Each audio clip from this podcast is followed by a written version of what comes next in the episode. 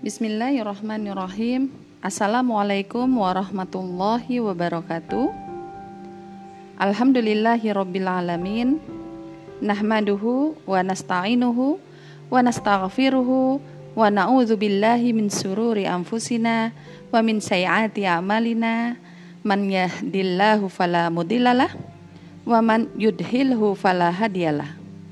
Allahumma sholli ala Sayyidina Muhammad wa ala ali Sayyidina Muhammad. Amma ba'du.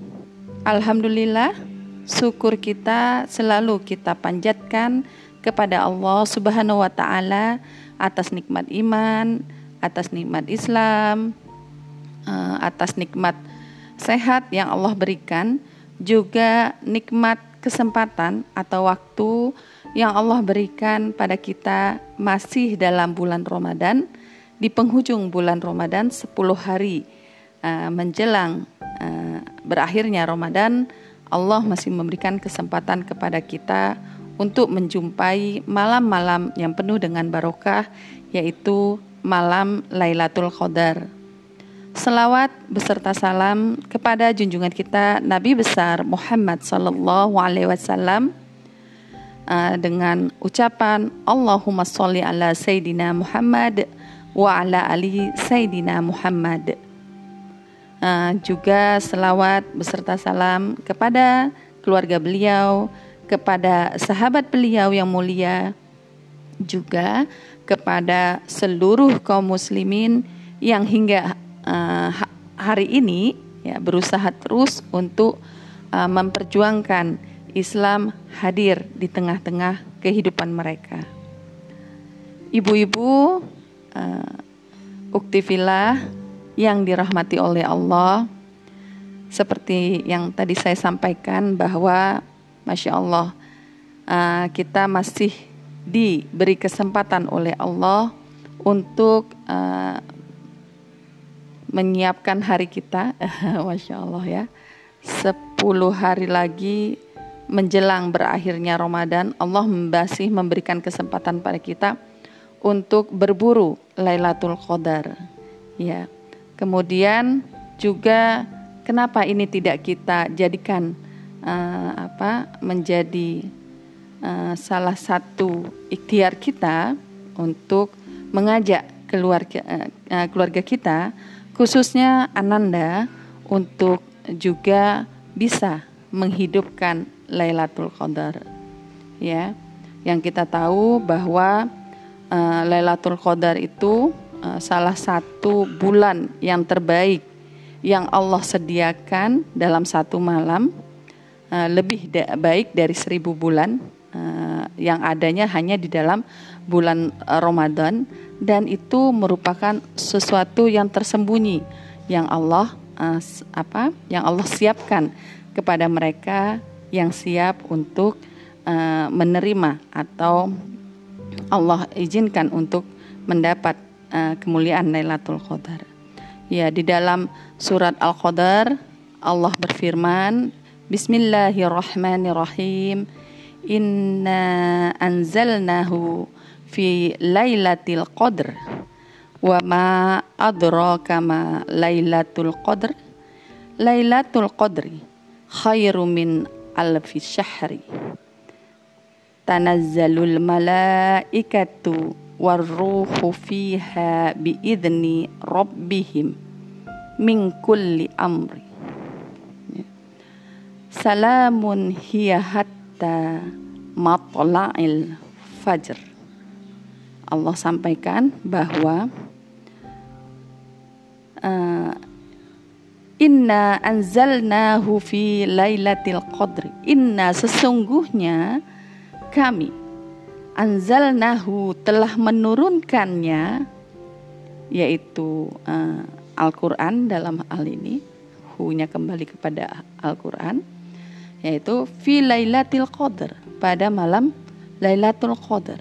Wa ma adraka dan tahukah kamu ma Lailatul Qadar apa itu?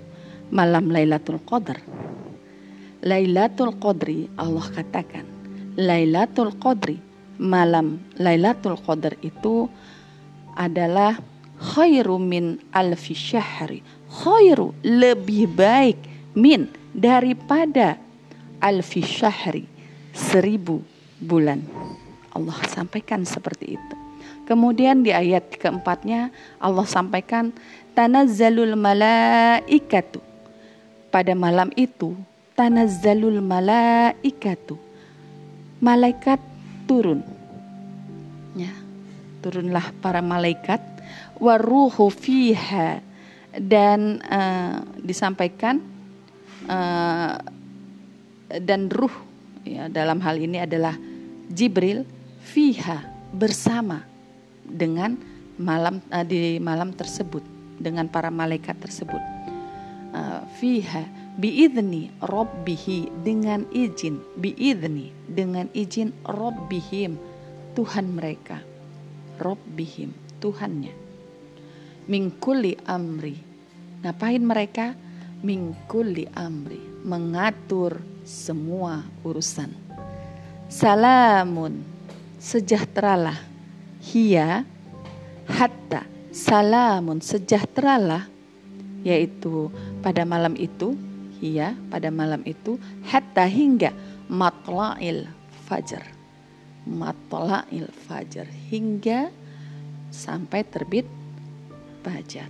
Masya Allah, begitu mulianya malam Lailatul eh, Qadar yang Allah kabarkan di dalam surat Al-Qadar ayat 1 sampai 5. Lalu terkait dengan keluarga muslim, kita nih ya, gimana?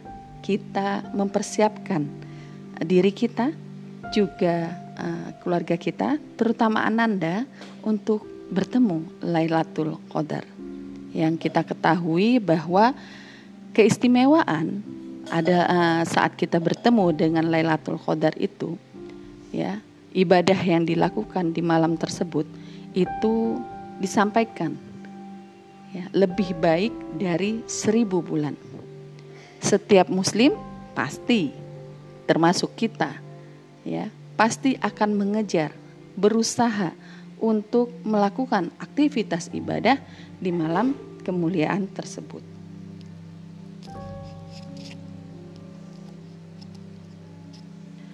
Begitu besar imbalan yang Allah berikan kepada hambanya yang menghidupkan Lailatul Qadar hingga Rasulullah Shallallahu Alaihi Wasallam bersabda, barang siapa salat pada malam Lailatul Qadar karena iman karena iman dan mengharapkan pahala dari Allah semata maka dosa-dosa yang telah lalu akan diampuni. Hadis Bukhari Mukri, uh, Bukhari hadis riwayat Bukhari.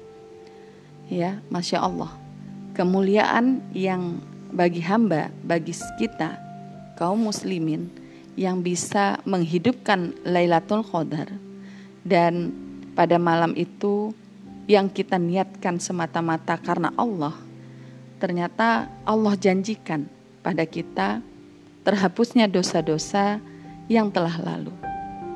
Ya, tentu dalam hal ini kita harus mempersiapkan diri kita, baik secara fisik maupun mental. Ya, tidak hanya mengurangi aktivitas fisik yang melelahkan di siang hari, ini kan sekarang sudah masuk hari ke eh, malam ke 21. Nah, harusnya kita banyak istirahat di siang harinya, tidak mencari uh, kelelahan di siang harinya, uh, menjaga kesehatan gitu ya, istirahat yang cukup, uh, juga kemudian memohon. Nah, ini yang paling penting. Ya, memohon kepada Allah, berdoa kepada Allah agar Allah mengizinkan kita untuk bertemu uh, malam Lailatul Qadar. Ya. Kemudian bagaimana dengan uh, keluarga kita, terutama anak kita? Uh, ini kan kita harus memahamkan kepada mereka ya tentang kemuliaan malam Lailatul Qadar ini, keutamaan malam Lailatul Qadar ini. Dalam hal ini tentu kita harus bisa uh, mengajak aktif keluarga kita untuk menjemput keutamaan dari malam Lailatul Qadar.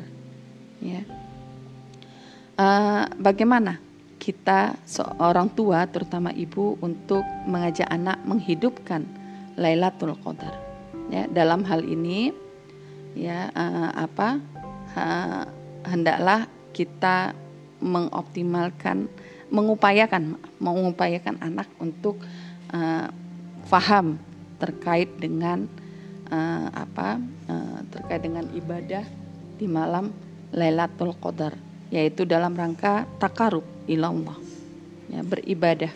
Ya dengan beribadah kita uh, mengajak anak kita melakukan aktivitas ibadah ya dalam rangka tadi takarub ilallah uh, ibadah yang kita fahami adalah uh, merupakan manis, uh, manifestasi dari uh, gorizatun naun uh, maaf gorizatun tandayun atau uh, manifestasi dari uh, naluri uh, keinginan kita beragama untuk menyembah.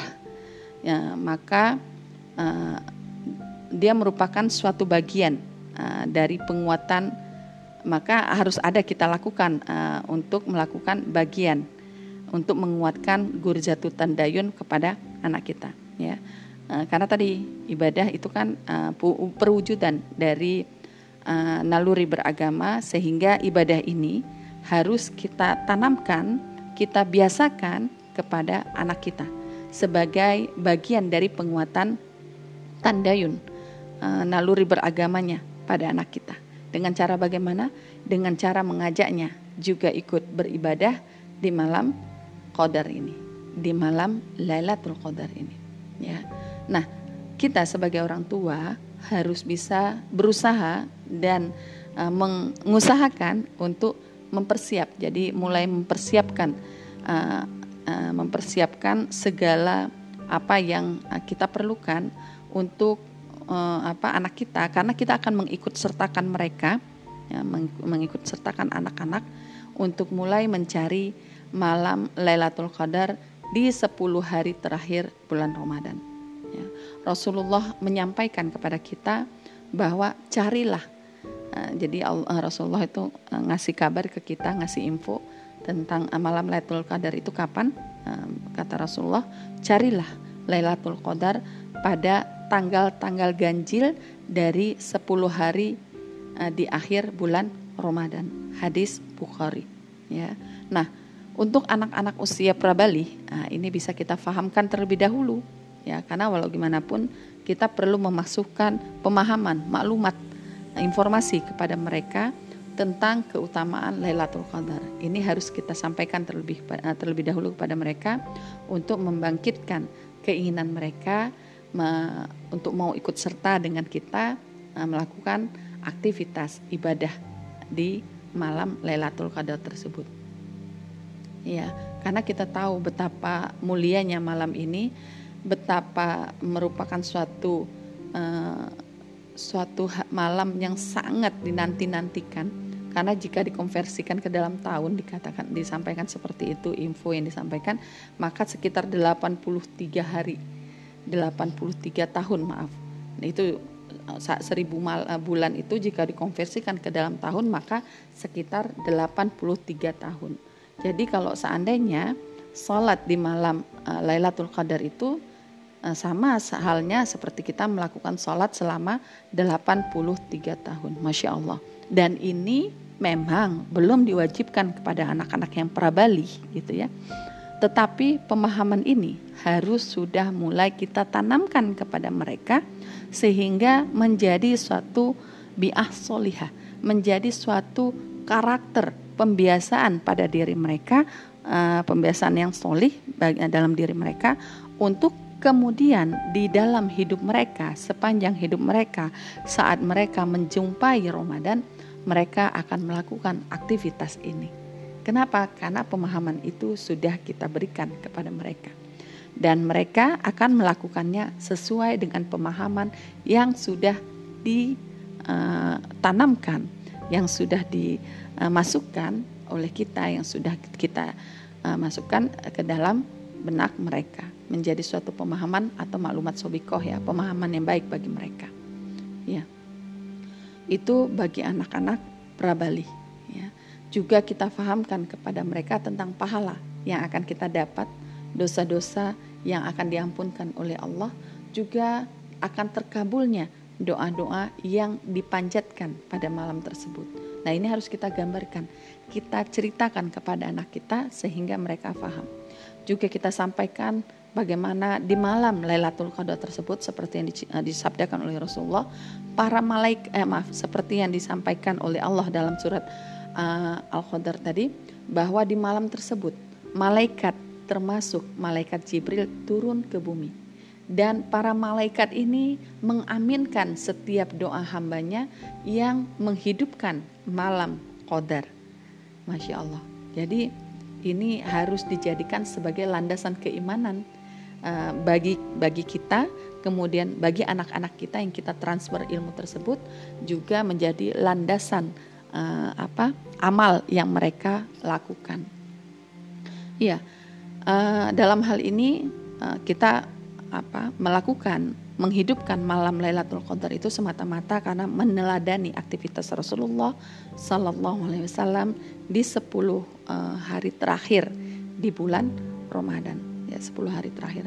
Dan uh, kita harus menceritakan kepada anak kita bagaimana Rasulullah Shallallahu Alaihi Wasallam di saat uh, kegiatan apa yang beliau lakukan di saat 10 hari terakhir di bulan Ramadan. Karena mengapa? Karena kembali lagi bahwa Rasulullah adalah uswatul hasanah kudwah bagi seluruh kaum muslimin. Ya beliau itu menjadi teladan bagi kaum muslimin dan harus menjadi teladan dan idola bagi anak-anak muslim.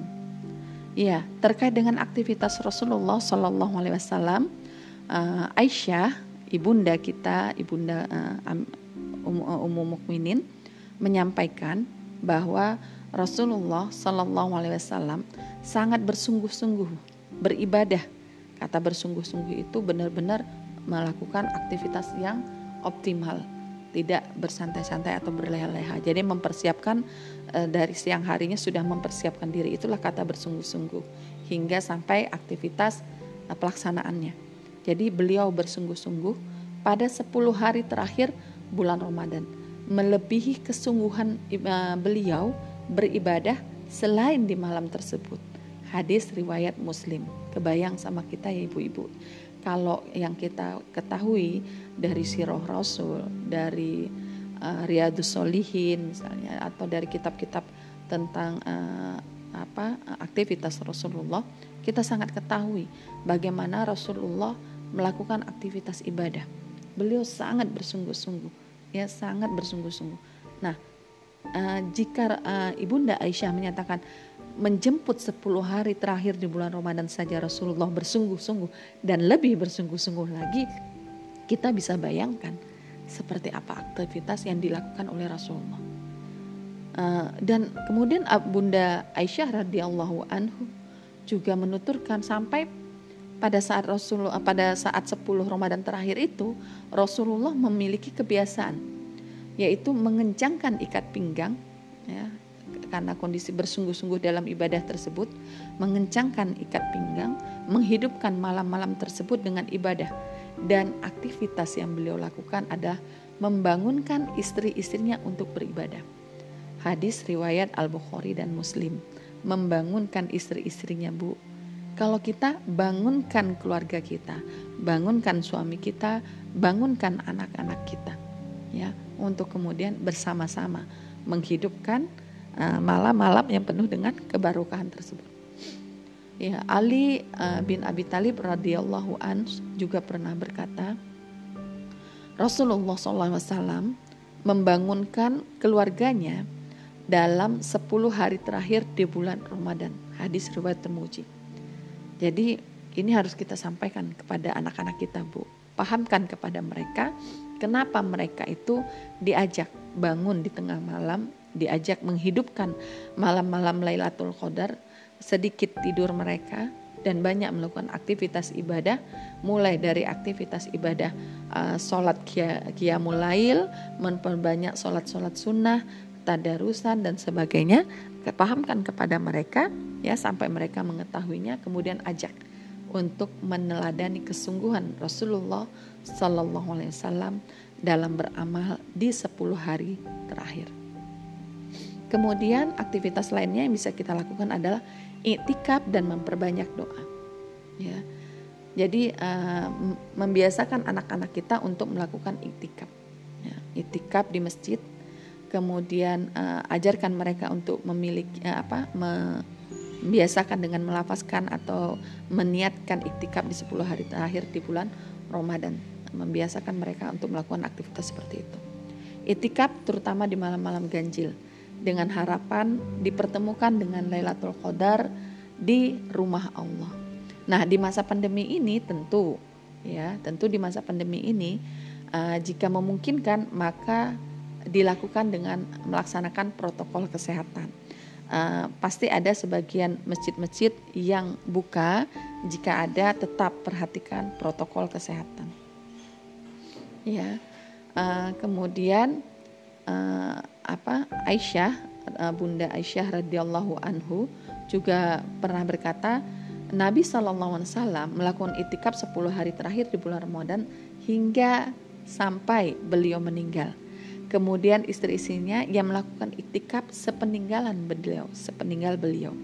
Hadis riwayat Bukhari Muslim. Jadi uh, kebayang sama kita aktivitas yang dilakukan oleh Rasulullah hingga wafat beliau Kemudian aktivitas tersebut pun terus dilaksanakan oleh para istri-istri beliau dan kita sebagai umun dari anak-anak kita tentu kita juga akan melakukannya hingga eh, dan eh, mengajak mengajar anak-anak kita untuk eh, membiasakan aktivitas ini.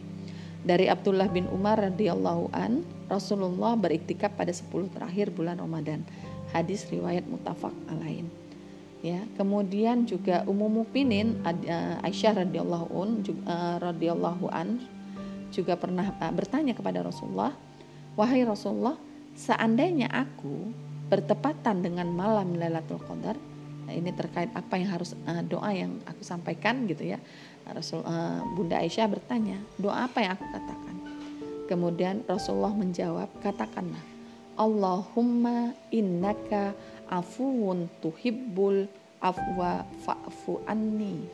Ya Allah, Engkau Maha Pemaaf dan Engkau mencintai orang yang meminta maaf.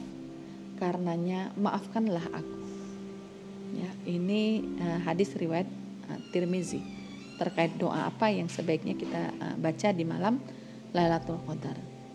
Nah, uh, jadi seperti ini ya Bu, uh, pada uh, bagaimana kita mengajak anak-anak kita untuk melakukan uh, atau menghidupkan malam Lailatul Qadar. Jadi memberikan pemahaman dulu kepada mereka uh, terutama kepada anak-anak yang prabali. Kalau yang anak-anak yang sudah balik kan kita enak ya komunikasinya karena akal mereka sudah penuh sehingga kita bisa uh, berkomunikasi dengan mereka layaknya orang dewasa gitu ya. menjelaskan kepada mereka itu kan insya Allah bisa difaham oleh mereka.